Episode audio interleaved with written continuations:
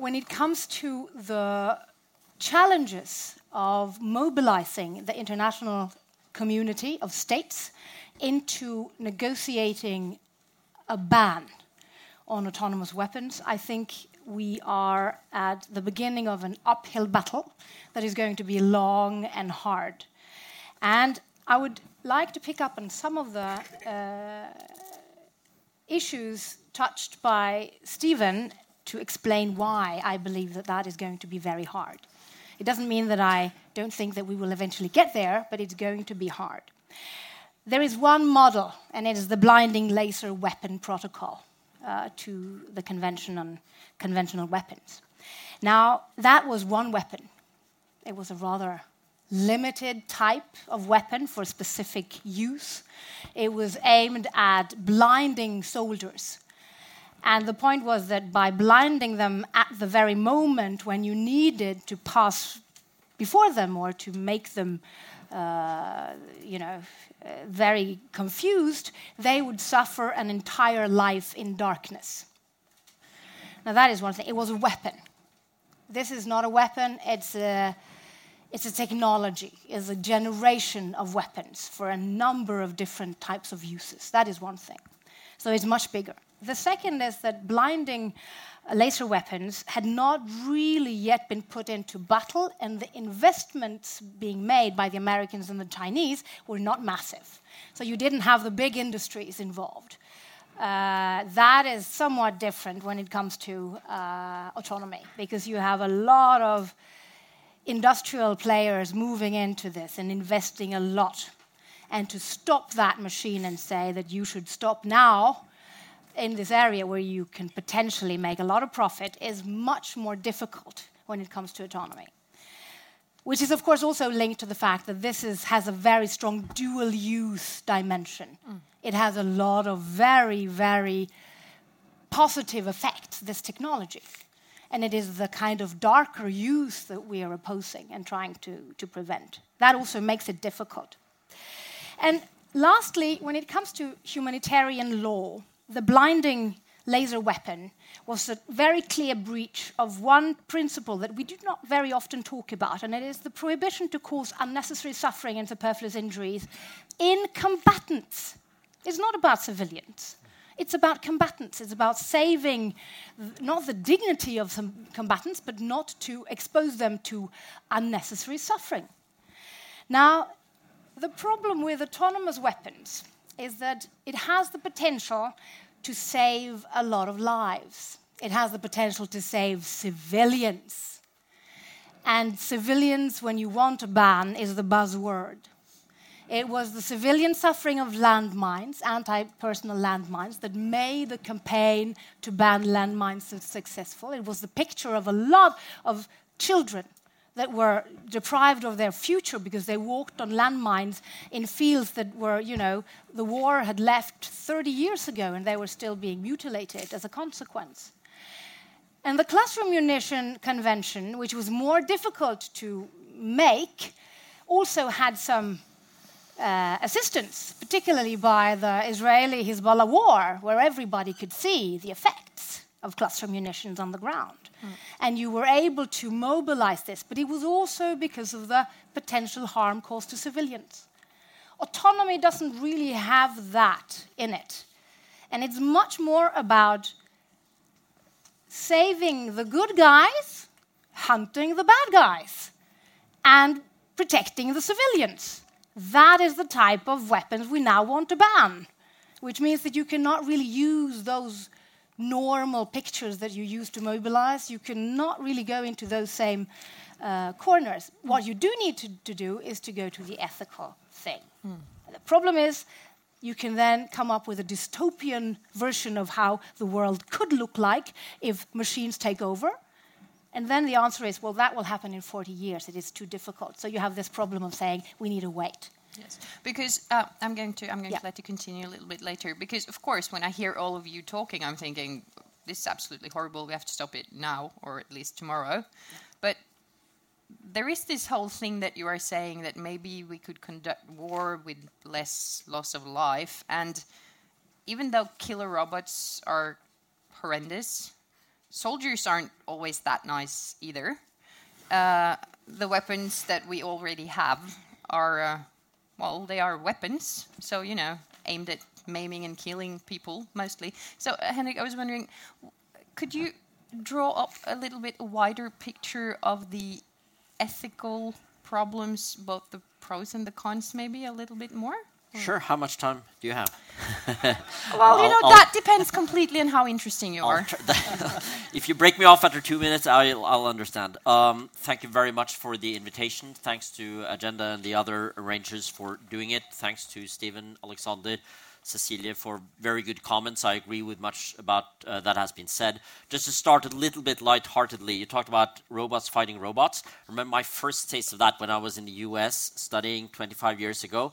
We had the answering machine. That was pretty nifty, you know, whoa. But then we also got the questioning machine. Namely, they called you up. Hello, this is a machine. Please don't hang up. And then you actually had two machines talking to each other. And it was scary, if nothing else. Uh, and it actually leads me to a point because uh, one of the best student uh, dissertations I've read about this is by Kjell Vegeland, who's also at ILPI. And he talks about where in is our worry, ethically speaking. And he talks about the uncanny, which is a an expression from philosophy and from literature studies, that which you're not quite sure about. You know there is something to fear, but you're not quite sure what. And I think we're a little bit there, or as I sometimes put it, uh, my uncle worked in northern Norway and he took the quick detour through Finland. And then he saw his favorite sign, which is a Finnish danger sign.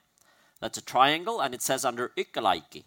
So you drive on and you know there is something to be scared of. Is it slippery? Does it come from above, from the side? And we're a little bit in the sort of Finnish uh, danger sign. What, what is this exact thing? And I think that means that for that very reason, it's very impo- important to try to organize this debate, make it as concrete as possible. Well, I am co editor of the Journal of Military Ethics. That's today's uh, little commercial. So I'll try to just glean from there a few of the things that have been discussed in line with your question. The first one is what I call the Gutenberg question How new is this actually? You know, is it just that you are moving the trigger from one place to another? But it's not really a big change. And you hear quite a lot of industry representatives claiming it's not really a big change. And to the extent it's a change, it's a change for the better. Well, I disagree strongly with that one. There I'm definitely on your side. And it is a little bit like saying that, oh, Gutenberg wasn't that big. You know, it was just a quicker pen. That's all it was. Well, we know in hindsight mm-hmm. that was, was one of the true revolutions of humankind. And I think some of the things happening now technologically, also with weapons, may be on that scale. Point two there is a difference in the debate ethically between the pessimists and the optimists. It's a simple way of putting it.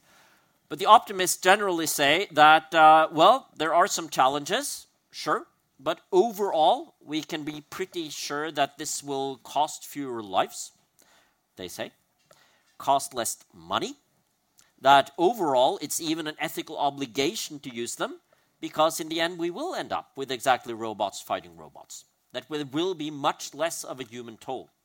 They also focus on the technology, which is much more accurate and they also focus on the human side, which is exactly what makes many of us skeptical. They say, well, as you indicated, human beings are full of fear, hatred, wish for revenge. As Augustine put it, libido dominandi, the wish to dominate the other. The robot is not. Isn't it better to put them in charge? I mean, I'm up here now and I have a cold and I haven't eaten dinner, so I'm not on my best form. Would be better with a robot, wouldn't it? Which wouldn't feel any of that. Well, then you have the pessimists. And they would say that it's exactly the technology that's part of the problem because we cannot control it. It develops very fast, and for that reason, we don't really know where it's going. And as we all know, very complex technology can go wrong in very complex ways. Just think of your word processing unit at home.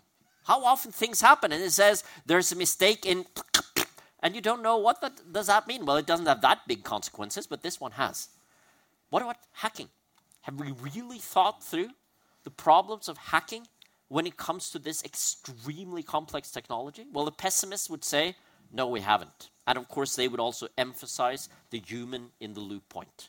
That when you remove the human, you have, do not have what the classical philosophers would call phronesis wisdom, the ability to weigh back and forth, the ability to rest on uh, experience.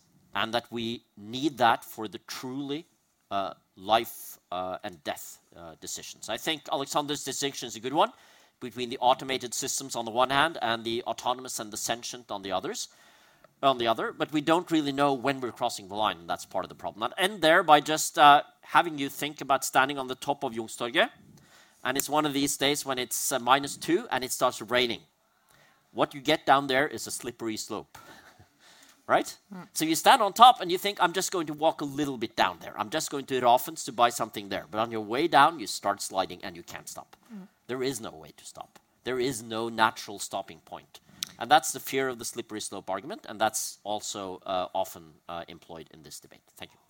Thank you so much. Uh, Mr. Goose, I wanted to, to ask you a, a question following up this. Um, uh, Cecilia mentions the dual use of this technology, which which makes it different from from many other uh, weapons that has been on the agenda. I mean, I, I usually do not. Well, you know, most people don't use uh, Klasebomber. That I obviously don't know what it's called in English. Cluster in their bombs. cluster bombs in, in their daily lives, whereas uh, artificial intelligence yep. uh, will be central in people's life in, in, in just a few years. And this technology will be developed and it will probably be quite easy to transfer it uh, to weapons. And uh, we know that some kind of weapons are, are unacceptable to use, and, and, there are huge treaties, international treaties that ban them. But, but of course, not everybody obeys these treaties, even though it sends a signal.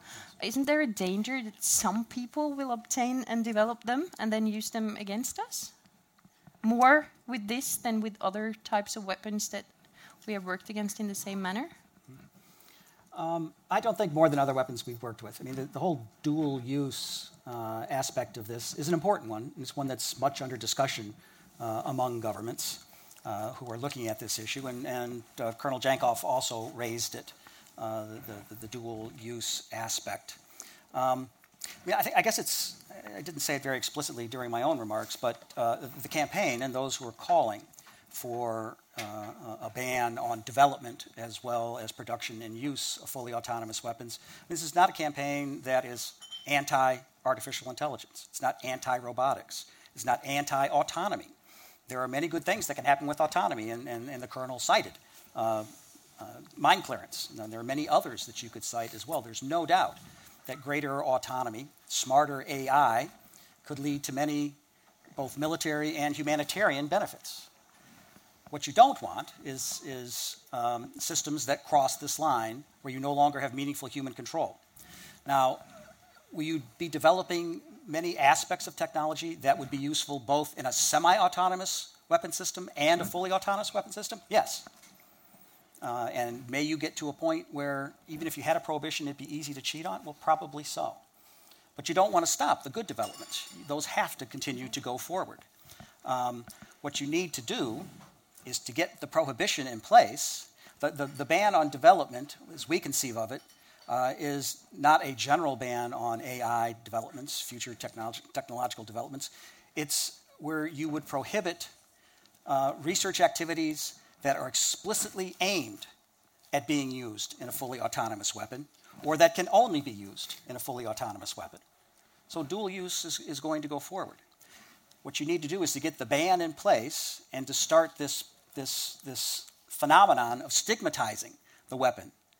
What you want is a treaty that is, is a, a agreement amongst the willing, who are all convinced that no one should cross the line into a fully autonomous weapon system without any meaningful human control over targeting and kill decisions. Can there be cheaters? Will there be those who might try to, to, to go against it? It's possible. Certainly it's possible. But the way to fight that most efficiently, most effectively, will be to have a ban in place soon, to have it widely subscribed to, and to have it become a new norm, a new standard of behavior. And could I just for a second address something else that Cecilia said? Yes, it's going to be hard to get a ban. Uh, it, it is, it is it, and, and it, it may not happen terribly quick. But we banned three weapons in the past 20 years. Each and every time we were told first, it's impossible. Then we're told it's very hard. We're told it's going to take a really long time. Uh, but once you get the process going and people start to buy in, it happens very quickly. It took five years for landmines, five years for cluster munitions. This is a different situation. There are a lot of parallels with blinding lasers. I've, I've been around long enough, I was actually in the negotiations uh, in Vienna uh, uh, in 1995 that led to the blinding laser protocol. They're very different, obviously, than, as you point out, to, to, to um, fully autonomous weapons. Um, but there are similarities, and, and the key similarities are, are, one, this notion that both killer robots and blinding lasers are counter to the dictates of the public conscience and, and the principles of humanity. Um, general repugnance against the weapon. That was a major major motivator in getting the ban on blinding lasers, I think will be key motivator for killer robots as well. The other was that we were able to convince militaries that they would be better off if nobody had these weapons than if everybody had them. And for both blinding lasers and killer robots, the, the certainty of proliferation to bad guys, to human rights abusers, to rebel groups, to terrorists. It's, just the certainty of that uh, is is, is, a really compelling reason for no one to have them. Yes, Cecilia. Can I just follow up on that? Absolutely. no, I, I think uh, I think you're absolutely right when it comes to the military and the resistance within the military against fully autonomous weapons if they go through the actual effects mm-hmm. that it will have on warfare in the medium to long term. But this is the problem, I think, with autonomy somehow, because it offers these quick fix. You can have less casualties among your soldiers. You don't have to, you know, bring them into these types of operations that are obviously very dangerous to them. But in the long run, you come up with some of the principles that are in place to protect the soldiers. Humanitarian law is not like we have been led to believe over the past two decades, primarily there to protect civilians. It is primarily there to protect the soldiers. And if you introduce autonomous weapon, you will eventually, over time, undermine all those principles that have been developed not merely over 150 years, but over more centuries than that, in order to protect the soldiers from unnecessary suffering and, let's say, the choice between not even surrender or death, but death or die and that is not something that the military would want to, to uh, yeah, death or kill, kill or, or die, but not mm. even that when you're up against uh, robots. Mm. So I think that if you work very um, meticulously with the military to try to convince them of the long term effects of this for their own guys, that is perhaps one of the most important uh, ways into this. Because a combatant and a civilian is not an identity that you have for life under the laws of armed conflict, it is a function. It, it is based on the function you have in relation to the conflict, whether you are a lawful target or not. And at one point, you stop being lawful target because you surrender or you are hurt.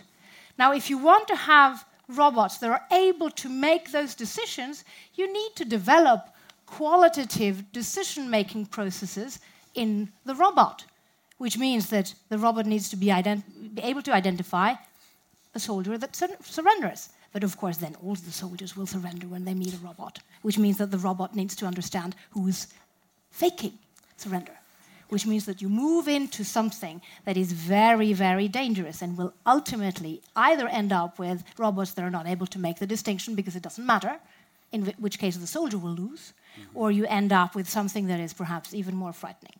Mm. So, yeah. the price for the soldiers in the long term is very, very big. And that's a technological point too, because artificial intelligence at the outset doesn't know what's relevant and what's not relevant. So, should you, for instance, look at the color of the walls in order to find out whether you should shoot or not? Well, in some cases, that may actually be important. In others, absolutely not, and a human being can distinguish that. But I would like to follow up on this through a very short two minute philosophy lecture. Can you take that? At least my good friend Camilla on the second row will uh, appreciate this. she's a Kantian philosopher, so she's much more orderly than I am, but I'll try to be clear. Uh, I think that what uh, the campaign is trying to do is to paint these sorts of killer robots, hence the name, as something that is what uh, lawyers call mala in se. They're wrong as such, like we would say with torture. You just should not do it. And I think that certain forms of these weapons are rightly classified that way. But I think maybe you'll have a hard time convincing people if the alternatives to this are bad as well. I mean, other weapons kill too, and maybe these can kill fewer. And in that case, arguably, a consequentialist sort of argument is what will actually be the important one. What is consequentialism? Well, it's where you ask yourself, what has the best or worst consequences for the most or the fewest people in the long run? And now comes the difficult part, because there are two sorts of consequentialism, roughly. It's rule consequentialism, where you say generally, if we establish this rule or use this sorts of weapons, overall, that will create much worse world, and we won't go there. That, I think, is your key argument. Mm-hmm. But if you go into what we call act consequentialism, you have to consider every individual case. And if you consider every individual case, it looks different. Because in this individual case, we don't have to send in those troops. It's much cheaper.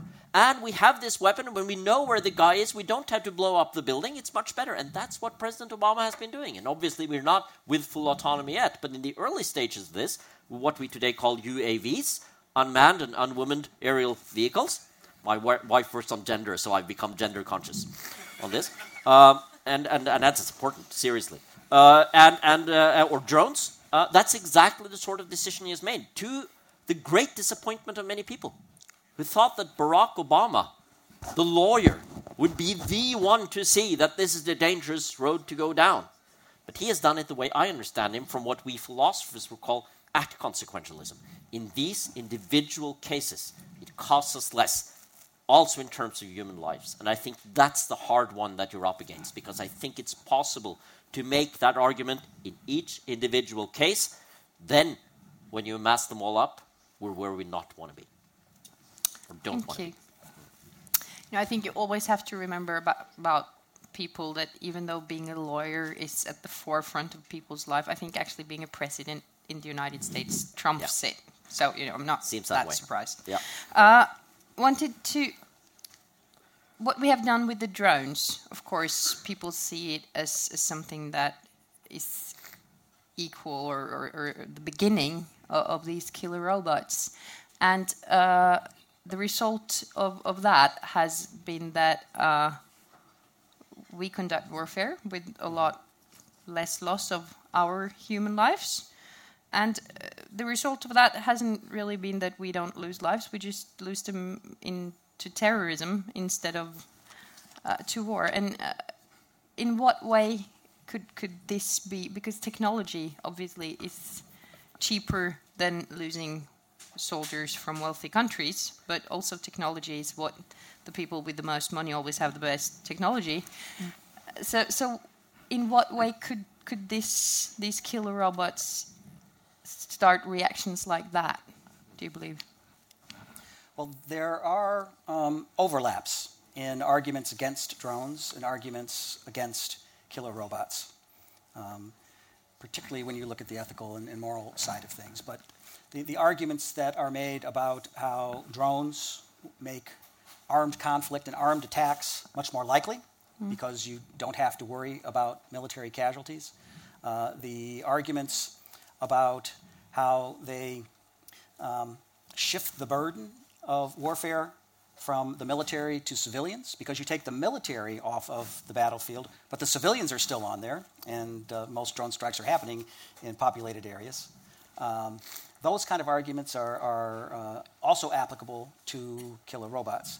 At Human Rights Watch, we have criticized uh, the Obama administration's use of drones very heavily. Being used in, in ways that are contrary to international humanitarian law, used in extrajudicial killings, um, used in uh, situations of questionable sovereignty, and other things. So we have um, hit the Obama administration very hard for the way they've, they've used drones. But we separate the two issues. And we do this in, in, the, in the campaign to stop killer robots as well. Because the, the, the notion is that with drones, the main arguments against it are how they're used. Whereas with killer robots, it's the very nature of the weapon that is objectionable. It's not how you use it, it's the very nature of the weapon. Um, with drones, uh, a regulatory approach is probably what's necessary and what should be uh, uh, pursued and is not being pursued right now in, in any real way, shape, or form, really at either the national level or, or international level.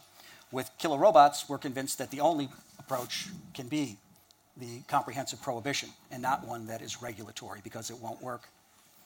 Um, regulatory might apply if, if you were looking at this in each and every case uh, approach. Yeah. To me, that uh, looking at each individual case is the same thing as saying there are certain special missions that work for killer robots, and we'll just try to limit it to those special missions. The chances of limiting it to those special missions, I think, are nil. It would just not happen that way. Not that they couldn't be useful in certain cases.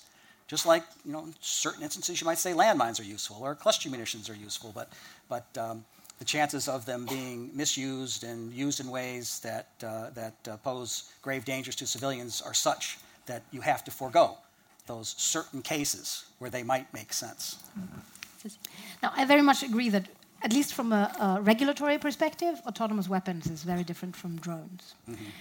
But if you look at the kind of more general development in terms of this idea that, yes, of course, we can wage war, and of course, it doesn't have to cost our civilians or our soldiers, we develop other means of doing this, of using uh, force, is a, a part of a, of a more broader development in terms of sanitizing warfare you sanitize it basically. You don't remove the human suffering, but you make sure that none of yours, uh, either civilians or, or soldiers, or preferably also the civilians of the enemy, don't really get hurt. And then, of course, you are left with the bad guys. So you have the machines hunting, very efficient machines hunting these bad guys, which is not really what happens. That is not the world, that is the fairy tale. Because what happens when you use drones is, of course, that, and this is some of the type of mechanism that will inevitably also accompany aut autonomous weapons, that you say, on the battlefield, you are there, we can target you. Our targetable person mm -hmm. is on the other side of the globe. You have no way of reaching him. So basically, you lose because the only lawful target that you have is unavailable to you. Hence, what do you do? Well, you try to reach what you can reach. So that is some, some of the structure that this carries. It basically invites attacks on civilian infrastructure, invites the armed conflicts to spread into our own territories, and so forth. So this delusion that you can sanitize war by somehow delegate it to the machines or delegate the decision making, because in mm-hmm. terms of the drone uh, issue, there has been increasing talk about the human trauma of those actually carrying this out. Now, we don't even have to think about that. So it is this movement towards sanitation that is very worrisome, and where autonomy, of course, comes in as this, this kind of brilliant solution to some of our more profound problems, which I believe is a delusion